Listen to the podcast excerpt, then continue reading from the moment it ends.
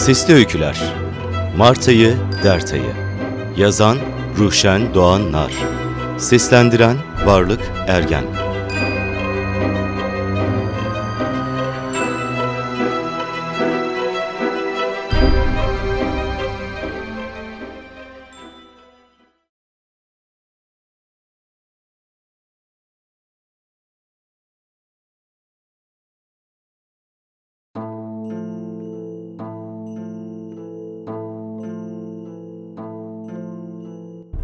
Deniz 163186 acilen bir erkek bulmalıydı.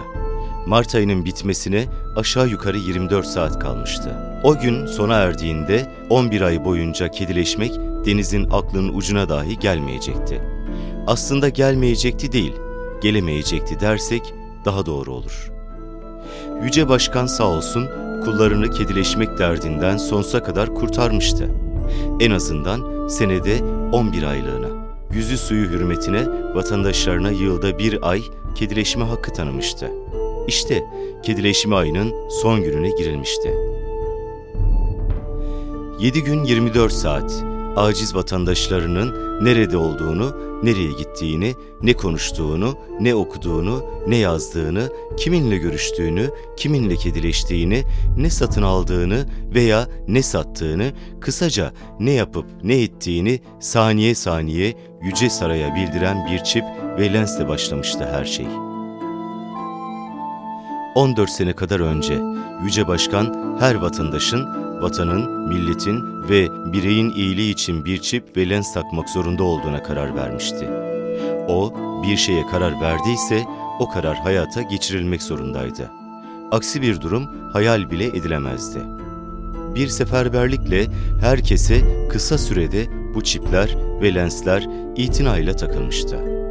Beş sene sonra ise Yüce Başkan kendisine gelen muazzam büyüklükteki bilgileri gece gündüz demeden incelemesi sonucunda aziz kullarının kedileşme ile ve kedileşme fikriyle çok fazla vakit harcadıklarını tespit etmişti. Bu sorunu nasıl çözeceğine kafa yoğurduğu günlerden bir gün, kadere bakın ki Mart ayıydı, Yüce Başkan, Yüce Sarayı'nın Yüce Bahçesinde oturuyordu. Bahçedeki iki kediyi kedileşirken izlediği sırada aklına olağanüstü bir fikir gelmişti. Fikir kısaca şöyleydi. Bir çipte sadık kullarının beyinlerinin kedileşmekten sorumlu bölgesine yerleştirilecekti. Bu çipler sayesinde Yüce Saray'dan gönderilen sinyallerle vatandaşların kediliği 11 ay boyunca engellenecekti. Sadece bir ay, o da Mart ayıydı, kedilik önleyici sinyaller gönderilmesine ara verilecek, kedilik tekrar aktif hale getirilecekti. Böylece 11 ay boyunca vatandaşlar sadece ve sadece işlerini düşünecekler, işlerine odaklanacaklar ve işlerini yapacaklardı. Verimlilik bu şekilde has safhaya ulaşacaktı. Zaman israfının önüne tamamen geçilmiş olacaktı. Özellikle bu fikir patronların çok ama çok hoşuna gitmişti. Yeni çiplerin tüm masraflarını üstlenmişlerdi. Yüce Başkan'ın sözünün üzerine söz söylemek zaten kimseye düşmezdi. Çipler her bir vatandaşın beynine vakit kaybetmeden yerleştirilmişti. Çip yerleştirme operasyonlarında yüzlerce kişi hayatını kaybetmiş ve binlercesi felç kalmıştı. Yanlış giden operasyonlar sayesinde bu insanlar beklemedikleri bir şekilde şehit veya gazi mertebelerine eriştikleri için ziyadesiyle mutluydular. Böylece Yüce Başkan'ın ülkesinde her vatandaş bedeninde iki çip ve bir lensle yaşamak şerefine erişmişti. Yurt dışındakiler ülkeye Çipliler Diyarı lakabını takmıştı. Akıllarınca dalga geçiyorlardı ama dış mihraklardan başka ne beklenirdi ki? Ellerinden gelen tek şeyi yapıyorlar, yüce vatanımıza çamur atıyorlardı. İz de kalmıyordu ama neyse. İç mihraklar durur mu? Kökleri yüce vatanımızdan ne kadar kazınmış olsa da az sayıda gizli iş mihrak vardı. Bu suçlamaları vatanımızda yaymaya çalışıyorlardı. Tabi hem iç hem de dış mihraklar ne yaparlarsa yapsınlar başarısız oluyorlardı. Neyse, Yüce Başkan Yüce Sarayı'nın Yüce Kütüphanesi'nde bir gün yine kitap özeti okurken aklına yüceler yücesi bir fikir daha gelmişti. Cinsellik sözcüğünü mutlaka ama mutlaka dilden sıfırlamalıydı. Bu sözcük kaba, çirkin ve iğrençti. Sonuçta çoluğumuz çocuğumuz vardı. Cinsellik ile birlikte sevişmek, cinsel organ gibi sözcükler de en kısa sürede dilden sökülüp atılmalıydı. Başkanın kulları bu sözcükler yerine kedilik, kedileşme ve kedileşme organı sözcüklerini kullanmalıydı. Yüce Başkan bir şey olsun deyince olmaması zaten düşünülemezdi. Bir gecede cinsellik kediliğe, sevişme kedileşmeye ve cinsel organ kedileşme organına dönmüştü. Diğer gün ülkedeki tüm sözcükler toplandı ve imha edildi. Yeni sözcükler basmak için epey para harcandı. Ama olacak o kadardı. İnatla yasaklı sözcükleri kullananlar tek tek tespit edilip cezalandırıldı. Deniz birinci çipin ensesinde gömülü olduğu yeri tatlı tatlı kaşırken kol telefonundan bütün sosyal medya hesaplarına son bir kez daha göz attı. Hiçbir kedileşme davetine olumlu cevap gelmemişti. Yüzlerce davetten bir tanesi bile kabul edilmemişti. Kol telefonunun hologramını kapattı. Demek ki internetten ona hayır gelmeyecekti. O zaman sokağa çıkıp insanların arasına karışmalı ve kendi işini kendi halletmeliydi. Eski zamanlardaki gibi. Yüce Başkan, iktidara geldiği o kutlu günden bu yana işsiz, bekar ve sadık vatandaşlarına ücretsiz olarak kalabilecekleri devasa pansiyonlar inşa etmişti. 200 kişinin kaldığı bir pansiyonda yaşayan Deniz, daracık odasından keyifsiz bir şekilde çıktı. Merdivenlerden inerken bir şey dikkatini çekti. Hemen hemen bütün odalardan yüksek sesli müzik eşliğinde iniltiler ve bağırtılar geliyordu. Anlaşılan pansiyonda o an kedileşmeyen bir o vardı. Pansiyonun kale kapısından hallice olan girişine ulaştığında kapının önünde güvenlik görevlisini göremedi. Oysa vakit gece yarısını çoktan geçmişti. O saatten sonra normalde pansiyona giriş çıkışlar yasaktı. Ama kedileşme ayında yasaklar gevşeyebiliyordu. Kulübeye yaklaştığında kulübenin ışıklarının açık olduğunu fark etti. Demek ki görevli içerideydi. Deniz, kulübenin buğulu penceresinden içeri bakınca morali iyice bozuldu. Güvenlik görevlisi pansiyonda kalanlardan biriyle keyifli keyifli kedileşiyordu.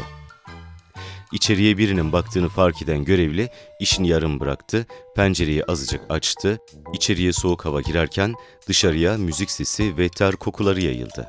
Görevli nefes nefese kalmıştı. Yine de bağırdı. Ne bakıyorsun kardeşim? Hiç kedileşen görmedin mi hayatında? Hadi ya içeri gir ya dışarı çık. Yallah kış kış. Ama gece 12'den sonra dışarı çıkmak için izin almak zorunda değil miyim? Yazılı izin, imza falan. Ne izni be kardeşim? Ne saçmalıyorsun Allah aşkına? Kedileşme ayının son gününde izin mi alayım senden? Git kedileşecek birilerini bul, vakit kaybetme. Ha, haklısınız. Özür dilerim. Kusura bakmayın. Hadi, bekleme yapma. Görevli alnındaki teri elinin tersiyle sildi. Pencereyi kapatıp kedileşmeye kaldığı yerden devam etti. Deniz utana sıkıla pansiyondan çıkarken, vay be 60 yaşındaki kel ve fudul güvenlik görevlisi bile kedileşecek birini bulmuş, bir ben bulamadım. Üstüne de moruktan fırça yedim. Bir erkek ayarlayamadım gitti. Yuh olsun bana, yuh diyerek hayıflandı. Dört bloktan oluşan 15 katlı ve 300 odalı pansiyona bir kez daha baktı. 11 ay boyunca bir hapishaneyi anımsatan pansiyon, o sırada gecenin karanlığında bir karnaval gibi rengarenk ve gürültülüydü. Geri sayım devam ediyordu. Zaman gittikçe daralıyordu. Sokakta bir başına yürürken karşılaştığı tüm yalnız erkeklerin yanına utana sıkıla da olsa gitmiş, onlara teklifte bulunmuştu. Fakat hiçbiri ona olumlu yanıt vermemişti. Yüzü kızararak kedileşebilir miyiz diye sormuştu her yalnız erkeğe. Aldığı cevaplar çeşit çeşitti. Bak Allah kitap çarpsın, Allah günah yazmasın, Allah'ın gücüne gitmesin, bin tane kedileşme organım olsa, yemin olsun bir tanesini bile senin için kullanmam. Şaka mısın sen canım? Sosyal deney mi yapıyorsun? Kedileşme organımı keserim ama seninle olmam. Hiç aynaya baktın mı sen? Bir bak istersen, bakabilirsen. Kusura bakmayın, lütfen. Sizi katiyen kırmak istemem. Evet, kedileşme teklifinizi ne yazık ki kabul edemeyeceğim. Özür dilerim. Çok özür dilerim. Ölürüm de seninle kedileşmem. Asla, hayır. Erkekler bu gibi cevaplarla Deniz'in kalbini paramparça etmişlerdi. Yüce Başkan belalarını versindi. Zaman su gibi akıyordu ve kalbi küt küt atıyordu. Bir fast food restoranında oturmuş etrafı seyrediyordu. İçerisi fazla kalabalık değildi. Müşterilerin çoğunluğu çift veya grup halindeydi. Yorucu kedileşme seanslarından sonra açlıklarını bol karbonhidratlı yiyeceklerle giderip tok karınla eve dönüp tekrar tekrar kedileşmeyi planlıyorlardı. Denizin önünde çoktan soğumuş bir bardak filtre kahve vardı. İki yudum alıp bırakmıştı. Aklından uçup gitmişti. Masalara göz attı. İnsanlar konuşmadan bir yemek yarışmasındaymışçasına takınıyorlardı. Ağız şapırdatmaları, içecek küpürdetmeleri ve geğirmeler dışında bir ses duyulmuyordu. Tek başına oturan bir erkek bile yoktu. Umudunu yitirmek üzereydi. Tam çıkıp gitmeyi düşünüyordu ki restoranın otomatik kapısı açıldı. Yavaş adımlarla bir erkek içeri girdi. Deniz arkasından bir kadının gelmesini bekliyordu. Ama adamın arkasından kapı kapandı. Adam tam da denizin karşısındaki boş masaya geçti. Omuzlarına değen kömür karası saçları vardı. Üstünde en az saçları kadar siyah bir deri ceket vardı. Ceketin etekleri dizlerine kadar geliyordu. Biraz daha uzun olsa yerleri süpürebilirdi. Altında yine siyah, dar bir kot pantolon vardı ve ayaklarında ışığın altında parlayan simsiyah botlar. Adamı kimse kapmadan harekete geçmeliydi. Ayağa kalktı, adamın yanına yürüdü. Adam kol telefonunu inceliyordu.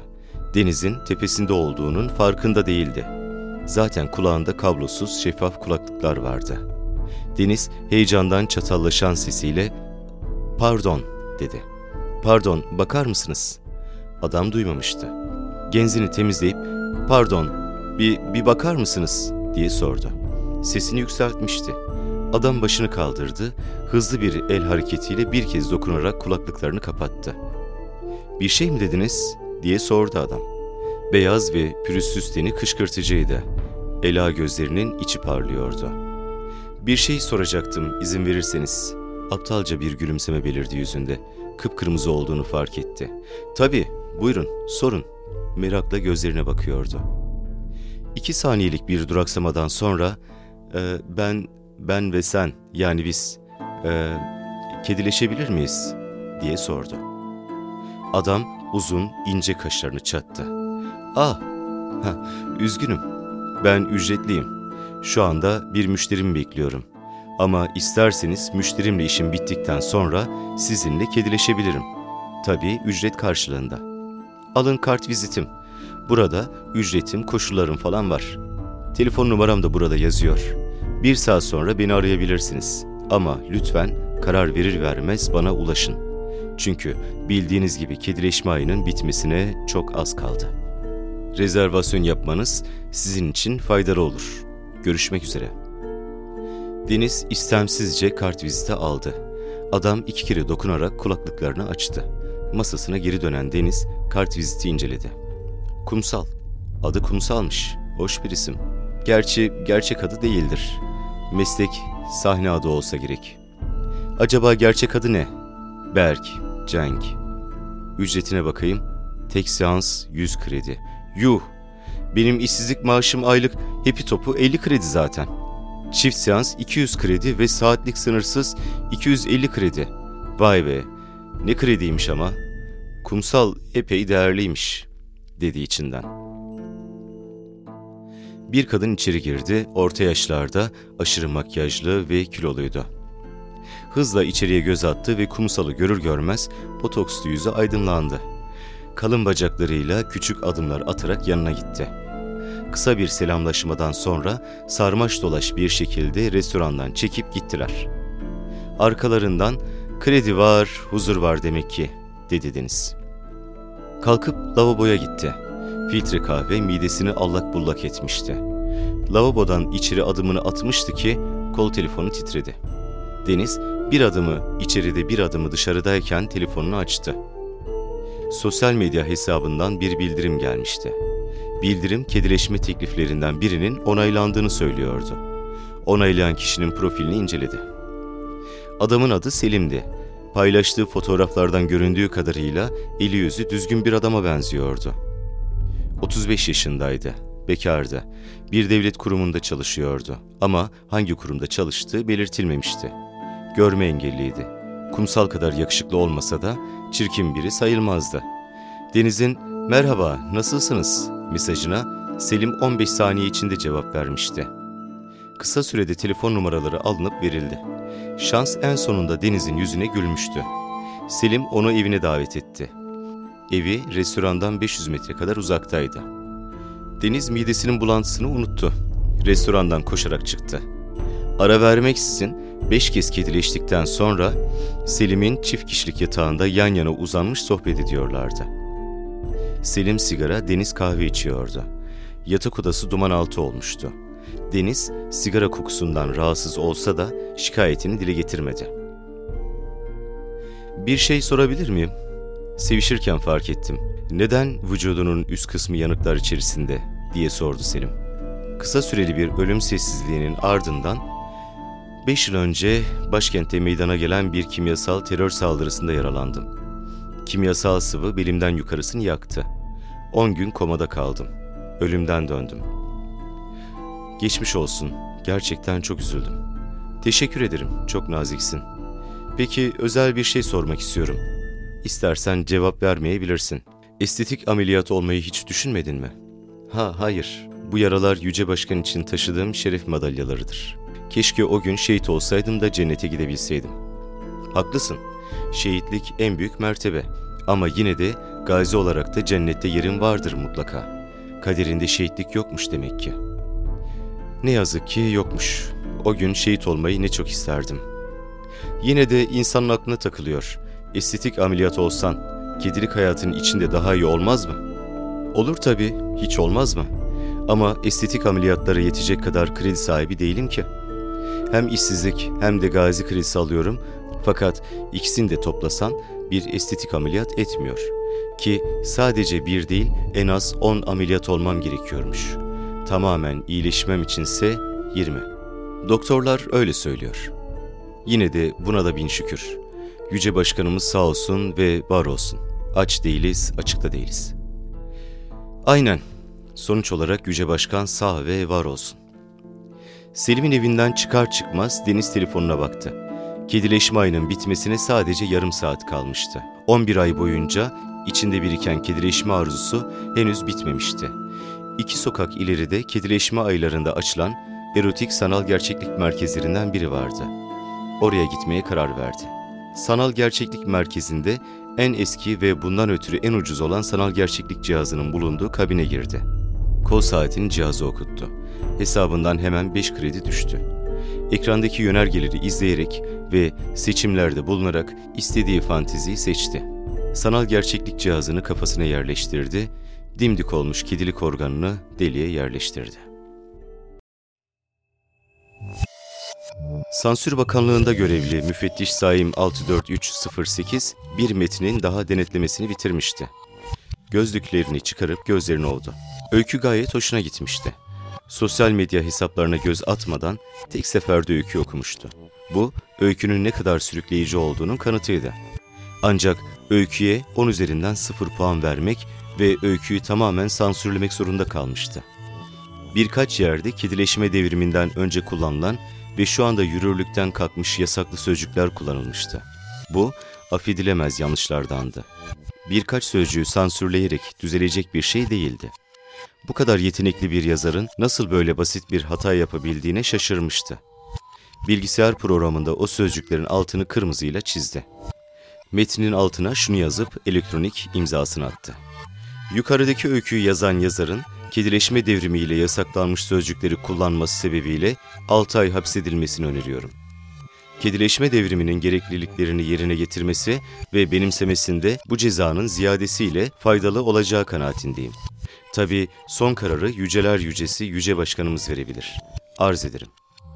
Öyküyü ve karar metnini internet üzerinden yüce başkanın yüce e-posta adresine gönderdi.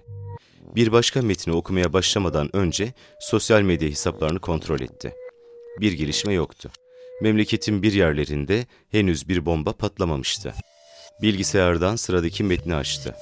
Başlangıçta sadece Yüce Başkan vardı.